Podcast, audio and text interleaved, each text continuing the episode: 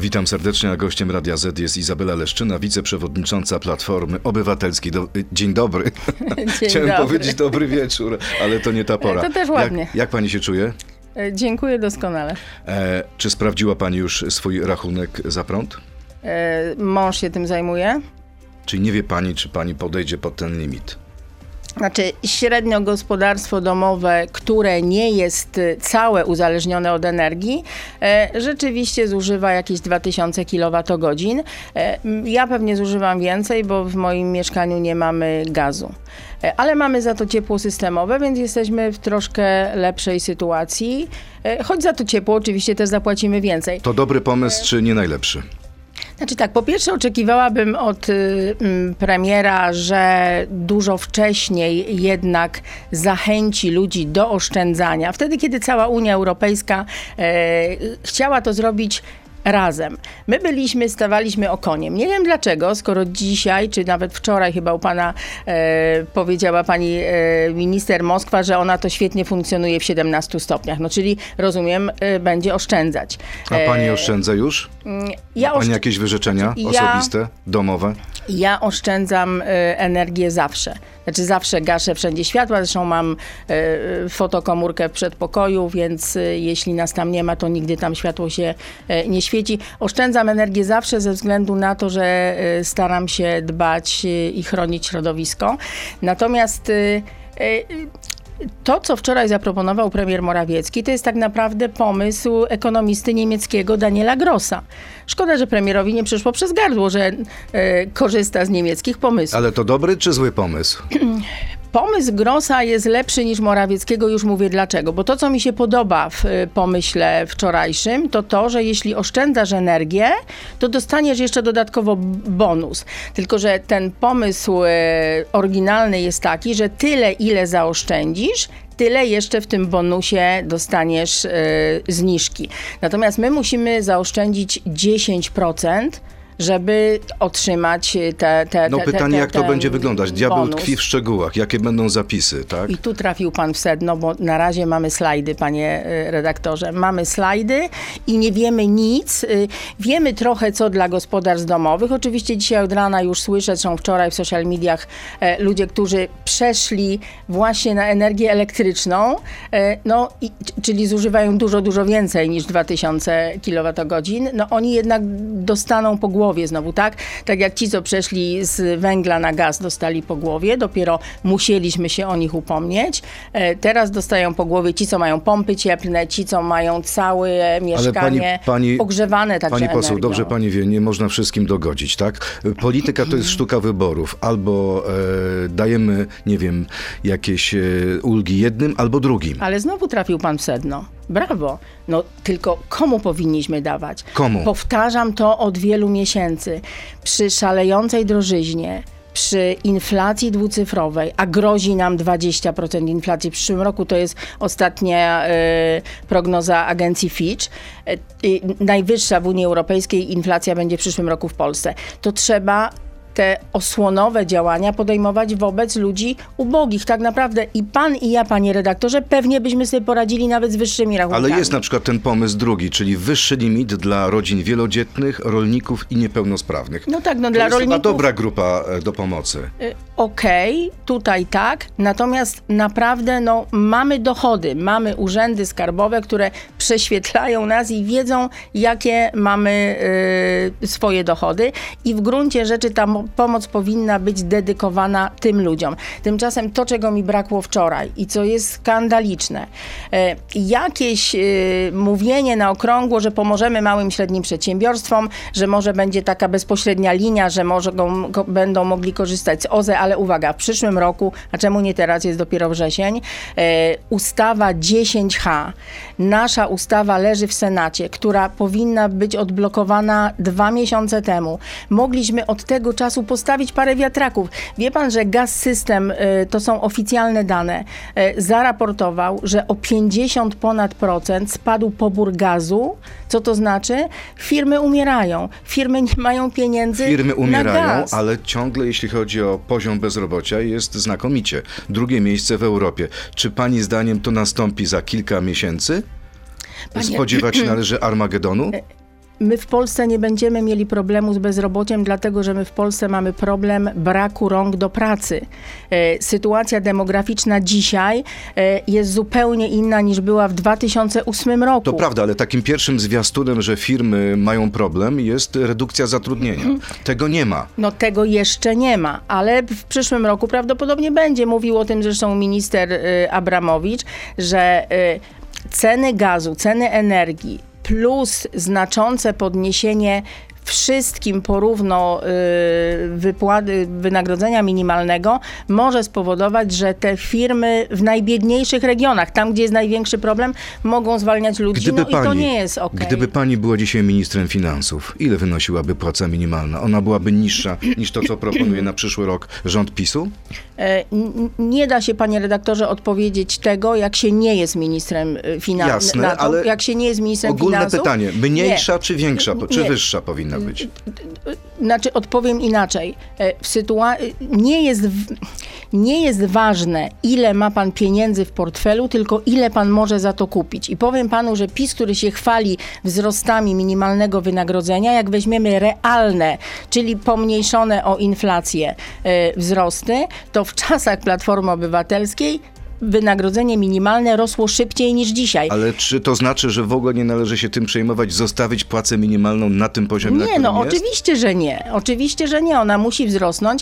Natomiast y, albo musimy dać dla przedsiębiorców prawdziwe osłonowe, szczególnie dla małych i średnich, szczególnie dla energochłonnych, pewne y, taryfy, y, które umożliwią im funkcjonowanie i wtedy możemy podnieść y, wynagrodzenie minimalne, ale jeśli my jednocześnie dajemy im po głowie i gazem, i prądem, i rosną ceny w ogóle, no, wszystkiego, tak? Minister Moskwa mówiła wczoraj, że 5-6 miliardów dostaną firmy, które są najbardziej energochłonne.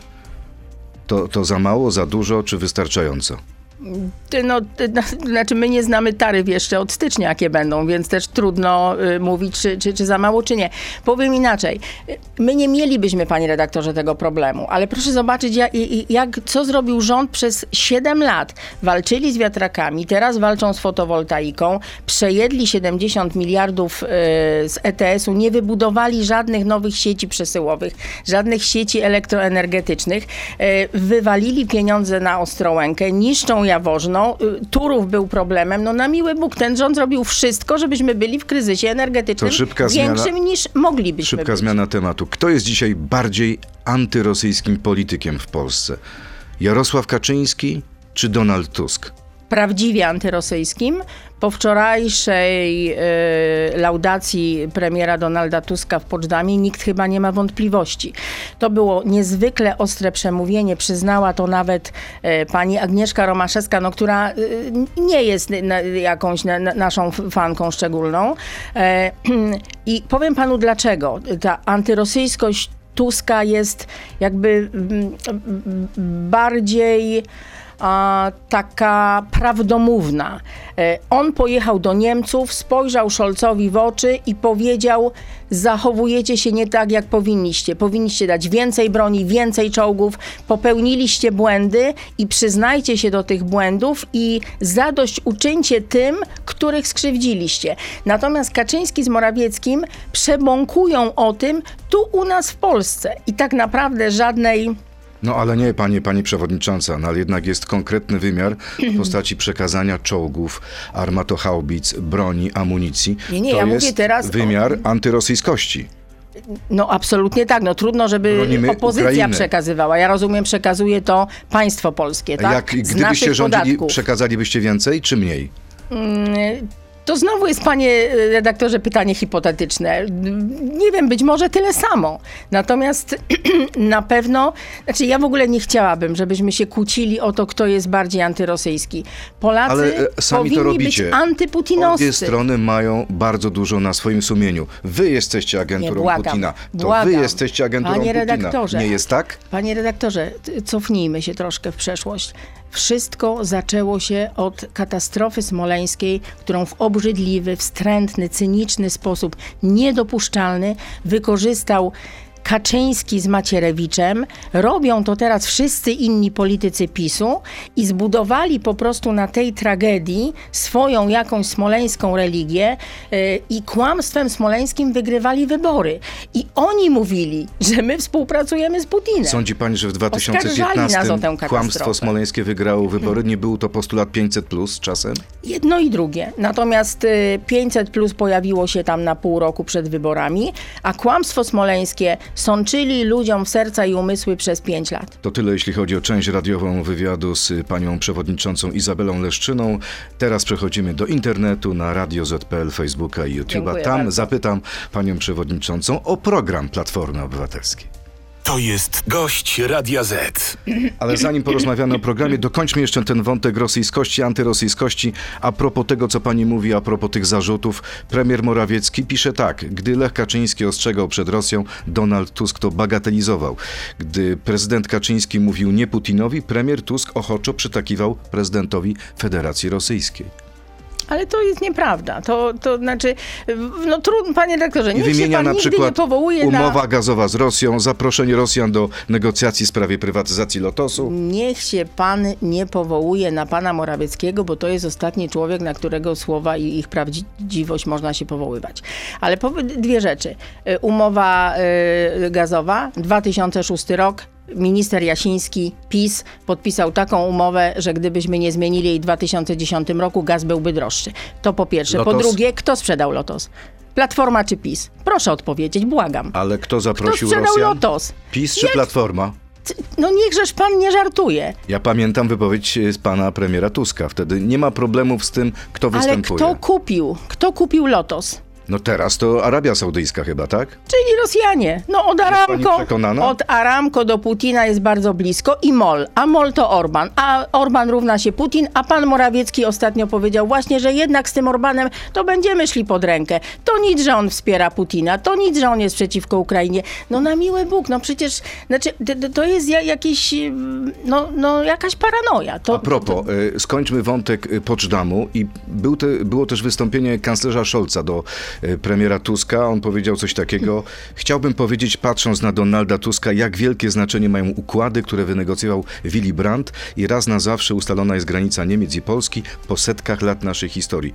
Nie chciałbym, zakończył Scholz, aby jacyś ludzie szperali w książkach historycznych, aby wprowadzić rewizjonistyczne zmiany granic. Jak pani czyta te słowa kanclerza Scholza, bo już pojawiły się takie interpretacje, że słuchajcie, uważajcie z tymi reparacjami, bo stanie kwestia granic. Jak pani to interpretuje? Y, No, to pokazuje pewnie dwie rzeczy. Pierwsza to taka, że y, kanclerz Scholz y, i być może słusznie wystraszył się tego, że Platforma Obywatelska, koalicja, w zasadzie cały Sejm e, poparł e, uchwałę nie o reparacjach, ale o zadośćuczynieniu, którą poprawiła Platforma Obywatelska, bo wpisaliśmy tam Rosję jako spadkobierczynię prawną Związku Radzieckiego, bo to od Związku Radzieckiego nam się należą reparacje także. E, nawet te Czyli niemieckie... Scholz przestraszył się Platformy czy PiSu, który podniósł sprawę reparacji? Przestraszył się e, tego, że Polska jest tutaj zjednoczona i że w Polsce wszyscy uważają, że Niemcy mm, są winni zadośćuczynienie tym wszystkim, którym e, zrobili to, co zrobili w czasie II wojny Pamięta pani, kiedy ta światowej. sprawa się pojawiła dwa tygodnie temu, to pani dobry kolega, może niedobry, nie wiem, Grzegorz Setyna miał Bardzo dobry. wątpliwości. No właśnie. Bardzo dobry To mój kolega. wtedy? Grzegorz jest historykiem. Historycy też do tego podchodzą. E, myślę, że Grzegorz podszedł do tego jak historyk, a nie jak polityk i powoływał się na pewne e, ustalenia poczdamskie i inne, e, ale też przypomnę, zagłosowaliśmy za tą uchwałą, ale ja bym chciała jednak prosić PiS i wczoraj powiedziałam takie zdanie w Sejmie. E, Reparacje mają, y, czy zadośćuczynienie ma bardzo silny aspekt symboliczny dla Polaków, to bardzo ważne, ale także ten finansowy. Panie redaktorze, piękne, stare przysłowie. Lepszy wróbel w garści niż gołąb na dachu. Mamy krajowy plan odbudowy. 270 miliardów złotych w garści. A PiS tę rączkę otwiera i chce tego, gołem, tego wróbelka wypuścić. Ale można powiedzieć, że to są niezależne sprawy. Dwa ptaki niezależne, tylko Nie, że te... razem. Tylko, tylko ten wróbelek jest do skonsumowania już natychmiast, a my dzisiaj przecież od czego zaczęliśmy rozmowę? Od tego, że nie ma węgla, od tego, że energia jest droga, od tego, że być może ludzie będą tracić pracę. Wszyscy dzisiaj potrzebują pieniędzy, a te yy, zadośćuczynienia to co? Dwa pokolenia, tak? Prezes Kaczyński szacuje. No Trzeba kiedyś zacząć. Okej, tylko że skupmy się na tym, co, co, co- co To ważne skupmy dzisiaj. się na tym, co właśnie najbardziej e, interesuje ludzi. Program Platformy Obywatelskiej. Czy macie już hasło, czy macie postulat, który zelektryzuje wyborców i sprawi, że będziecie partią numer jeden i nie wyprzedzi was na przykład Szymon Hołownia? Jesteśmy na opozycji partią numer jeden i jestem przekonana, że to się nie zmieni. Nie boi się pani pana Hołowni? Y, Nie, właściwie do nikogo się nie boję. E, Na pewno nie pana Hołowni, poza tym jesteśmy przecież demokratyczną opozycją. Rozumiem, że e, nie będziemy się atakować. Choć jak słucham czasami e, pana Szymona e, i jego różnych wystąpień, to zastanawiam się, czy nie za bardzo mu się myli i czy nie widzi zbyt często wroga Platformy Obywatelskiej. Ale ja rozumiem, to jest stres małej partii bez doświadczenia, która no, usiłuje utrzymać się w okolicach 10% i trzymam za nich kciuki. E, Natomiast Co nie, z programem Platformy? Co z waszymi postulatami? Z jakimi postulatami pójdziecie do wyborów? e, jesienią tego roku, czyli dokładnie na rok przed wyborami, startuje nasza konwencja programowa. E, Tam e, powiemy Polakom, jak rozwiążemy ich największe problemy, największe bolączki. A pani już wie, co powiecie, i- czy jeszcze się zastanawiacie? Znaczy, y, oczywiście, że, że wiem, co powiemy. To proszę nam y, zdradzić. Ale nie, nie, No nie, pani nie. przewodnicząca. Panie redaktorze, mm, przewodniczącym Platformy Obywatelskiej jest y, premier Donald Tusk i, i on tę konwencję programową rozpocznie i zapewniam pana, że powiemy o tych wszystkich e, sprawach, które będą dla nas ważne. Ale oczywiście ja mogę powiedzieć, bo... bo Jedno hasło, jeden postulat. Pani przewodnicząca, dzisiaj, gdyby podszedł do pani jakiś wyborca na ulicy i powiedział, pani poseł, czego wy tak naprawdę chcecie? Naprawdę bogatej Polski, naprawdę zamożnych Polaków, dobrobytu długotrwałego, bo dzisiaj mamy taką sytuację, że przez 7 lat rządziła partia, która mówiła wszystkim, że właśnie rozdajemy pieniądze Polakom, jesteście coraz bogatsi, popatrzcie jak wam się dobrze żyje, a wiemy już dzisiaj, że ubóstwo w Polsce rośnie. Co to znaczy? Czyli mówicie, żeby że... było lepiej, ale jak do tego dojść? Panie redaktorze, naprawdę od y, tysiącleci właściwie jest jeden sposób. Pracą.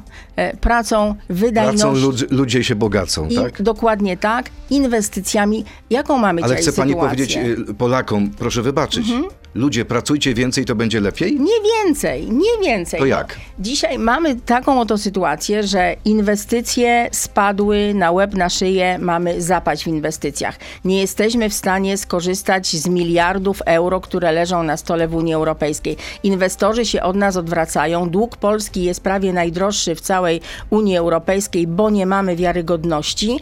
No i ja chcę powiedzieć Polakom, to wszystko, te- problemy znikną. Jak za dotknięciem czarodziejskiej Naprawdę? różdżki. Jak Tak, przejmiecie władzę, to już Panie będzie redaktorze, od- kraina szczęśliwości? od y, ponad pół roku mówię, właściwie to prawie od roku mówię, narażając się na śmiechy ze strony pisowskich y, moich adwersarzy, że potrzebujemy niezależnych, niepartyjnych sądów. Wtedy inwestorzy mówią, ok, to jest fajny kraj, bo on się rozwija, on ma ten potencjał, tam ludziom chce się pracować, ludzie chcą się bogacić, będziemy inwestować w Polsce. I ostatnie zdanie, jeśli nie przeprowadzimy poważnej transformacji energetycznej, którą PiS zatrzymał na 7 lat, to gospodarka nie będzie konkurencyjna. sądzi jak o będzie konkurencyjna, będzie tani prąd dla ludzi i dla firm, no to naprawdę będziemy mieli prawdziwy dobrobyt. Co pani sądzi o węglu? Bo mamy tego węgla sporo. Wciąż są, wciąż są takie sytuacje, y, że są zasypywane szyby kopalń, gdzie jest 700 milionów ton. Czy powinniśmy postawić na to, czy jednak odejść od węgla całkowicie? Odejść, panie redaktorze, od węgla całkowicie, jak robi to cały świat. Jeśli 45 do 50 tysięcy ludzi rocznie umiera w Polsce ze względu na zanieczyszczone powietrze, to uważam, że pana pytanie jest retoryczne. Ale tego to nie znaczy, nie ma. No- Brakuje węgla, a skoro jest y, pod ziemią w Polsce, to może Nie, trzeba nie, zacząć nie. go kopać. Y, y, Przygotowanie ściany to jest mniej więcej rok.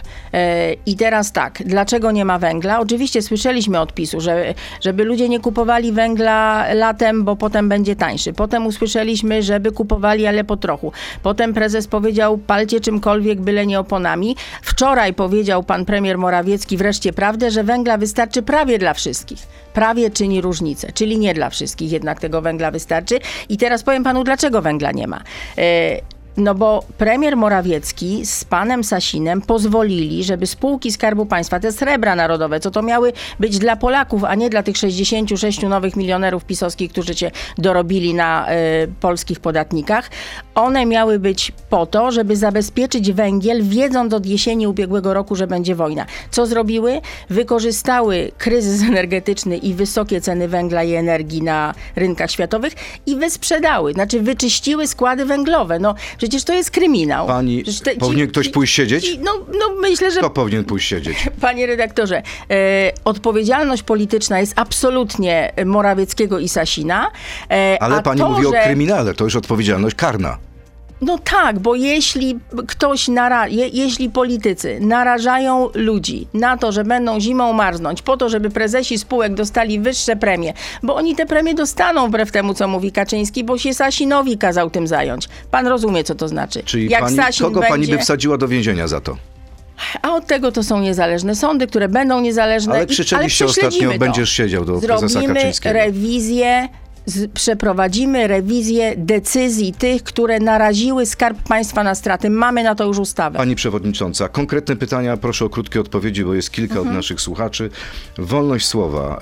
E, obiecaliście Polakom, że zachowacie wszystkie programy socjalne, które stworzyło Prawo i Sprawiedliwość. Czy to oznacza, że również będziecie je finansować z pieniędzy poza budżetem? Według ekspertów tylko w tym roku PiS wydał ponad 70 miliardów poza, s- y, poza kontrolą. To jest rzeczywiście skandal. Będziemy na pewno wprowadzać y, wydatki pozabudżetowe do budżetu, bo to jest łamanie artykułu 217 Konstytucji, to co robi PiS. I y, na pewno nie da się tego zrobić w ciągu jednego roku. Nie wiem, czy w ciągu dwóch, ale na pewno to będzie zadanie ministra finansów. Sprawić, Pani że budżet będzie? jest budżetem.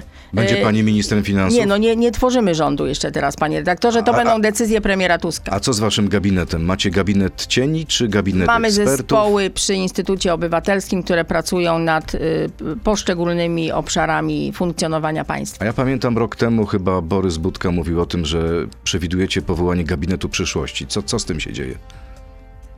To jest pytanie do y, pewnie y, Borysa Budki. Nie wiem, co, o, o, o czym mówił. Znaczy, jesteśmy partią przyszłości, więc y, na, tak funkcjonują u nas zespoły przyszłości. E, Ile e, pustego pieniądza jest w każdej złotówce pani poselskiej diety? To jest pytanie Konrada Langa. Czy w pensji nauczyciela lub malarza jest mniej czy więcej pustego pieniądza? Co zrobić, żeby pusty pieniądz w już wydrukowanych pieniądzach się wypełnił? Czym mo- możemy go wypełnić? No bardzo obrazowe znaczy, pytanie. Nie, no ja rozumiem, panu chodzi, temu panu chodzi o to, kto tworzy PKB, a kto go nie tworzy. Oczywiście e, politycy PKB nie tworzą, ale n- naprawdę no, bez administracji, e, bez... Znaczy, jak funkcjonuje państwo bez dobrego rządu, to widzimy teraz, tak? Ludzie boją się, że zimą zmarzną. Więc jest potrzebny dobry rząd i ten pusty pieniądz w dietach poselskich, czy w moim wynagrodzeniu, jak pan internauta był łaskaw to nazwać, no nie, nie, niestety też jest potrzebny, więc ja nie nazwałabym go jednak, e, jednak pustym. A jak to zrobić, żeby pieniądz wydrukowany nie był pusty? E, mówiłam już o tym. Inwestycje. Inwestycje. Konkretne pytania. E, jeśli chodzi o program Platformy, jak przejmiecie władzę, będzie waloryzacja 500 plus, czy nie? Panie redaktorze, ja proszę nie zadawać mi pytań o to, y, co zrobimy w sensie finansowym. Powiedzieliśmy wyraźnie, że utrzymamy wszystkie e, wprowadzone ustawowo przez PiS e, świadczenia socjalne. Ale pani wie, że dzisiaj 500 plus to już nie jest 500 plus. To Wiem. już jest 360, 370 zł. Wiem, ale powtórzę jeszcze raz. Powtórzę jeszcze raz. Mętna polityka finansowa PiSu nie pozwala odpowiadać odpowiadać wprost na takie pytania, e, ale ja jestem zwolennikiem, mówiłam to wielokrotnie, narażając się też na krytykę. E, oprócz e, pieniędzy, które ludzie dostali, trzeba ludziom zapewnić, i to jest zadanie państwa, dobrą szkołę, dobry szpital, dostęp do lekarza, dobrą infrastrukturę, dobrą komunikację publiczną. Ja myślę, że. Ucieka pani od Ludzie to- odpowiedzi. nie, nie Będzie uciekam. waloryzacja, powinna być waloryzacja czy nie? Tego 500 plus. No, na pewno nie w chwili 20% inflacji, bo powtórzę, nieważne ile masz w portfelu, ważne ile za to kupisz. No na miły Bóg, nie napędzajmy tej inflacji dzisiaj wszystkimi możliwymi sposobami. E, Pani urodziła się w Częstochowie. Oczywiście, mieszkam tam i pozdrawiam często. Jasna Góra jest dla pani ważna? Bardzo, widzę ją z mojego tarasu. Jest Bywa piękna. pani często tam? E, Czy pan wie, że od początku wojny, y, czyli napaści Putina i Rosji na Ukrainę, Jasna Góra jest podświetlona w kolorach e, niebiesko-żółtym, w kolorach flagi ukraińskiej. To jest piękne, widzę to co wieczór przez okno. No i pytanie do mieszkanki Częstochowy, która spogląda na Jasną Górę. Czy pani zgadza się ze swoim kolegą partyjnym, panem Nitrasem? To też jest pytanie e, e, słuchacza pod nikiem 11 przekazanie. Czy Polska powinna wypowiedzieć konkordat? Czy Platforma to zrobi po dojściu do władzy? Wie pan, my w Platformie każdy zajmuje się jakby tym, y, na czym jednak trochę się zna i w czym ma doświadczenie. Ja byłam wiceministrem finansów, y, nie zajmowałam się nigdy y, ani tą komisją, w której pracował Michał Boni. Ale z takiego doświadczenia osobistego, znaczy, gdyby zapytał panią inaczej, Donald y, Tusk, przepraszam, chyba jesteście na ty, Iza, jesteś Częstochowy, co mamy zrobić z konkordatem? Wypowiadać czy nie? Uważam, że nie ma potrzeby wypowiadania konkordatu i nie sądzę, żeby Platforma Obywatelska chciała wypowiadać konkordat. My chcemy zapewnić kobietom bezpieczeństwo i zapewnić prawa e, człowieka wszystkim kobietom i, i i, I to będzie nasz cel. I oczywiście rozdział Kościoła od państwa jest ewidentny. No dzisiaj Kościół jest instrumentalnie traktowany przez PiS, a Kościół instrumentalnie traktuje rząd. No tego na pewno nie będzie. Jarosław Selin powiedział na Wirtualnej Polsce, że Donald Tusk jest politykiem bezideowym. Domyślam się, że pani się z tym nie zgadza.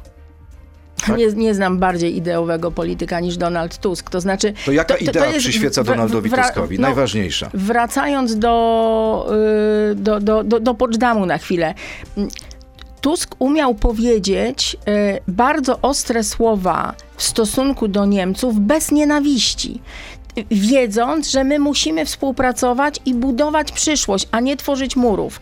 Więc jak pan pyta o ideę Donalda, to nie budujemy murów ani między sobą w Polsce, ani między Polską a naszymi sąsiadami, szczególnie tymi z Zachodu, no i oczywiście e, państwami, które, które mają za, Ale jak się spojrzy na niektóre tweety Donalda Tuska, to tam nie ma z, zbyt dużo miłości wobec PiSu i przeciwników E, nie politycznych. Wiem, nie wiem, czy pan ogląda czasami taką telewizję, co miała być publiczną, a jest partyjną. Gdyby na pana wylano tyle kłamstw, nienawiści, hejtu, rzeczy tak obrzydliwych, że, że nawet nie umiem ich nazwać, bo dosadnie by trzeba i chyba trzeba by użyć bardzo mocnych słów, których nie zwykłam używać, to, mm, to ja myślę, że y, premier Tusk jest bardzo łagodny.